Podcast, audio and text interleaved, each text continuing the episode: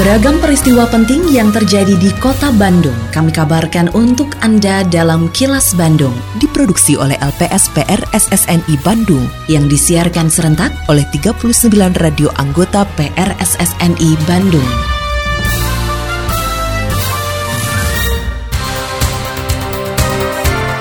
Sejumlah informasi aktual kami hadirkan untuk Anda dan inilah informasi utamanya. Sertifikasi diharapkan dorong akselerasi PTSL di Kota Bandung. Cegah kelangkaan minyak goreng di Sindak Jabar gandeng kepolisian. Bapenda Kota Bandung jalin kerjasama Kejari untuk tingkatkan perolehan PBB. Saya Santika Sari Sumantri, inilah kilas Bandung selengkapnya. Badan Pertanahan Nasional atau BPN Kota Bandung mencatat terdapat sekitar 17.000 bidang aset tanah milik pemerintah Kota Bandung. Dari jumlah tersebut 12.000 di antaranya sudah didaftarkan sedangkan sisanya belum terdaftar. Hal tersebut disampaikan Kepala BPN Kota Bandung Nugraha usai mencanangkan gerakan masyarakat pemasangan tanda batas atau Gema Patas yang merupakan program Kementerian Agraria dan Tata Ruang Badan Pertanahan Nasional atau ATR BPN. Nugraha mengatakan pemasangan patok bidang tanah merupakan awal kegiatan sertifikat tanah dan upaya menjaga tanah dari pihak lain. BPN Kota Bandung menargetkan mulai tahun 2023 ini bisa melakukan sertifikasi 4.000 lebih aset milik pemerintah Kota Bandung yang dilakukan secara bertahap. Menurut Nugraha, pihaknya akan membantu pemerintah daerah mensertifikatkan dalam rangka penertiban aset pertanahan terlebih banyak ikon di kota Bandung yang masih belum bersertifikat. Mengamankan tanah-tanah masyarakat, termasuk juga tanah-tanah instansi pemerintah. Makanya kita sengaja untuk di wilayah kota Bandung itu dilaksanakan di Pendopo karena ternyata Pendopo masih belum sertifikat. Ini bagian awal kalau misalnya kita awal dengan apa gerakan ini bagian dari program PTSL kita termasuk juga bagian program dari kota kantor pertahanan kota Bandung untuk mensertifikatkan aset-aset kota Bandung kita tahu bahwa banyak uh, ikon-ikon di kota Bandung yang ternyata masih belum sertifikat dan kita akan segera bantu support pemerintah daerah untuk pensertifikatannya supaya uh, dalam rangka penentuan aset pertanahan juga. Wali Kota Bandung Yana Mulyana berharap gerakan masyarakat pemasangan tanda batas atau gema patas dapat mengakselerasi pendaftaran tanah sistematis lengkap atau PTSL di Kota Bandung. Pencanangan gerakan masyarakat pemasangan tanda batas atau gema patas di Kota Bandung dilakukan secara simbolis di pendopo Jalan Dalam Kaum. Menurutnya dengan semakin jelasnya batas-batas tanah dan dilengkapi sertifikatnya, maka masyarakat akan mendapat kepastian hukum sehingga bisa memiliki nilai ekonomi. Yana juga berharap pemasangan patok bidang tanah di kota Bandung tersebut dapat meminimalkan konflik pertanahan yang sering terjadi. Gerakan Gema Batas ya, gerakan pemasangan patok tanda batas yang serentak dilakukan di seluruh Indonesia, termasuk eh, serentak juga dilakukan di kota Bandung. Tentunya ini berdampak eh, luas ya terhadap kepastian hukum kepemilikan tanah milik masyarakat termasuk milik pemerintah kota juga gitu ya dan dengan adanya kepastian hukum ini juga tentunya ke depan bisa saja jadi itu juga berpotensi secara ekonomi ya karena mungkin saja pasca pandemi ini ada orang masyarakat yang ingin e, meningkatkan perekonomiannya e, sertifikat hak milik ini di ini kan ke lembaga jasa keuangan sehingga tadi bisa menggerakkan perekonomian juga. Jadi selain kepastian hukum tapi tentunya ada dampak secara ekonomi juga gitu ya. Dan mudah-mudahan ini juga mengurangi konflik pertanahan yang uh, biasanya terjadi di mana pun gitu ya. Suara DPRD Kota Bandung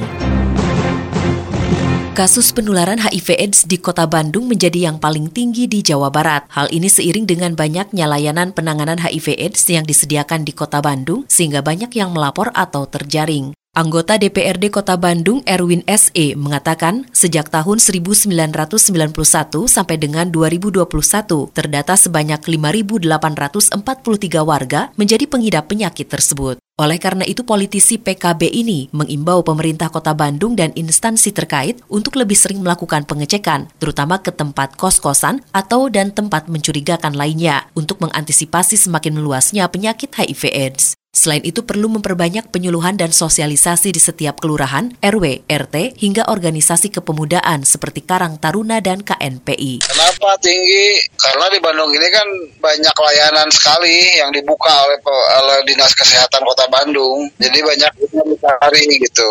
Kita mungkin dari Komisi D juga mungkin dengan Dinkes kenapa buka layanan justru kita semakin tahu sih bagaimana kondisi, bagaimana antisipasinya kan gitu. Ya termasuk banyak kosan juga mungkinnya yang perlu kita cek juga tempat hiburan. Ya kan sekarang kita banyak perlu penyuluhan di tiap kelurahan yang oleh KPA ya KPA juga gitu kan. Mungkin anak-anak muda ini kita gembleng diisi dengan ini mungkin dengan kesadaran beragama ya al wahyu adini ya. Insya Allah kalau kesadaran beragamanya ini kuat, kecintaan kepada Allahnya kuat. Ini kan bicaranya bicara personal ya kayak ini kan bicara personal ya ahlak, ahlak keimanan gitu. Nah ini kita perkuat anak-anak muda ini.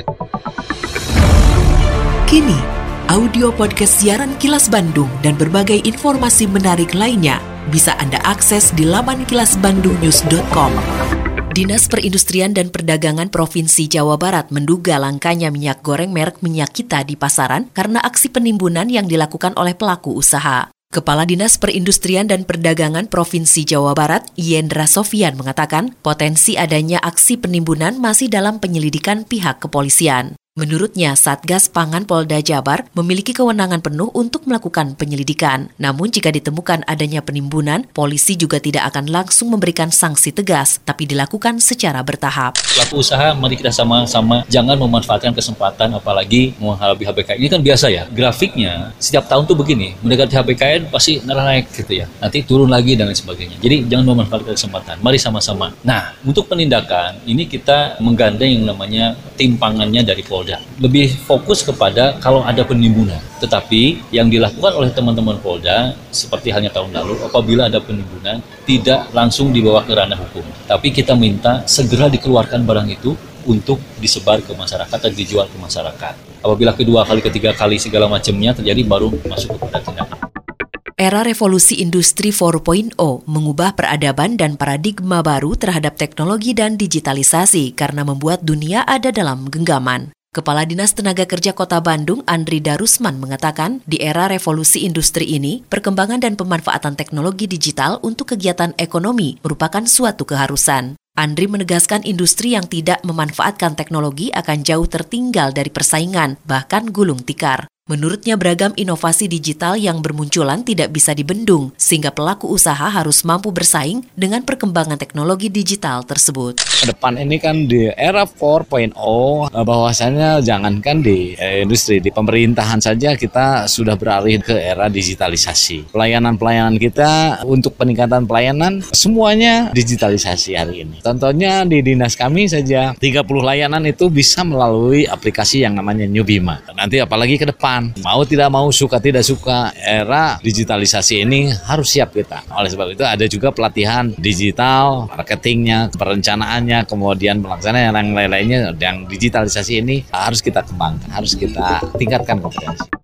Badan Pendapatan Daerah atau Bapenda Kota Bandung bakal menggandeng Kejaksaan Dalam Negeri atau Kejari dalam melakukan penagihan piutang pajak bumi dan bangunan atau PBB kepada para wajib pajak. Upaya ini dilakukan untuk mengejar target pendapatan tahun 2023. Kepala Bapenda Kota Bandung Iskandar Zulkarnain mengatakan pihaknya juga akan memaksimalkan pendapatan pajak dengan memasang alat perekam transaksi di hotel dan restoran di Kota Bandung. Menurut Iskandar, alat rekam transaksi tersebut nantinya terkoneksi langsung ke Bapenda, bahkan pelaporannya real time. Dengan adanya alat ini diharapkan bisa mengecek omset per bulan para wajib pajak. Selain kita ingin ada dampaknya buat kenaikan pendapatan, hmm. itu juga salah satu rekomendasi dari surga KPK mencegah bocoran.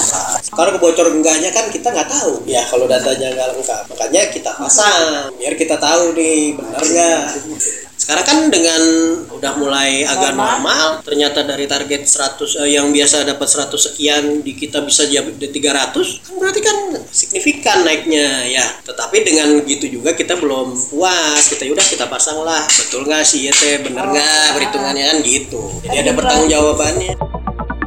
Tetap patuhi protokol kesehatan di masa adaptasi kebiasaan baru untuk memutus penyebaran COVID-19. Selalu memakai masker, mencuci tangan, menjaga jarak dan menghindari kerumunan, serta mengurangi mobilitas agar terhindar dari terpapar virus corona. Terima kasih Anda telah menyimak kilas Bandung yang diproduksi oleh LPSPR SSNI Bandung.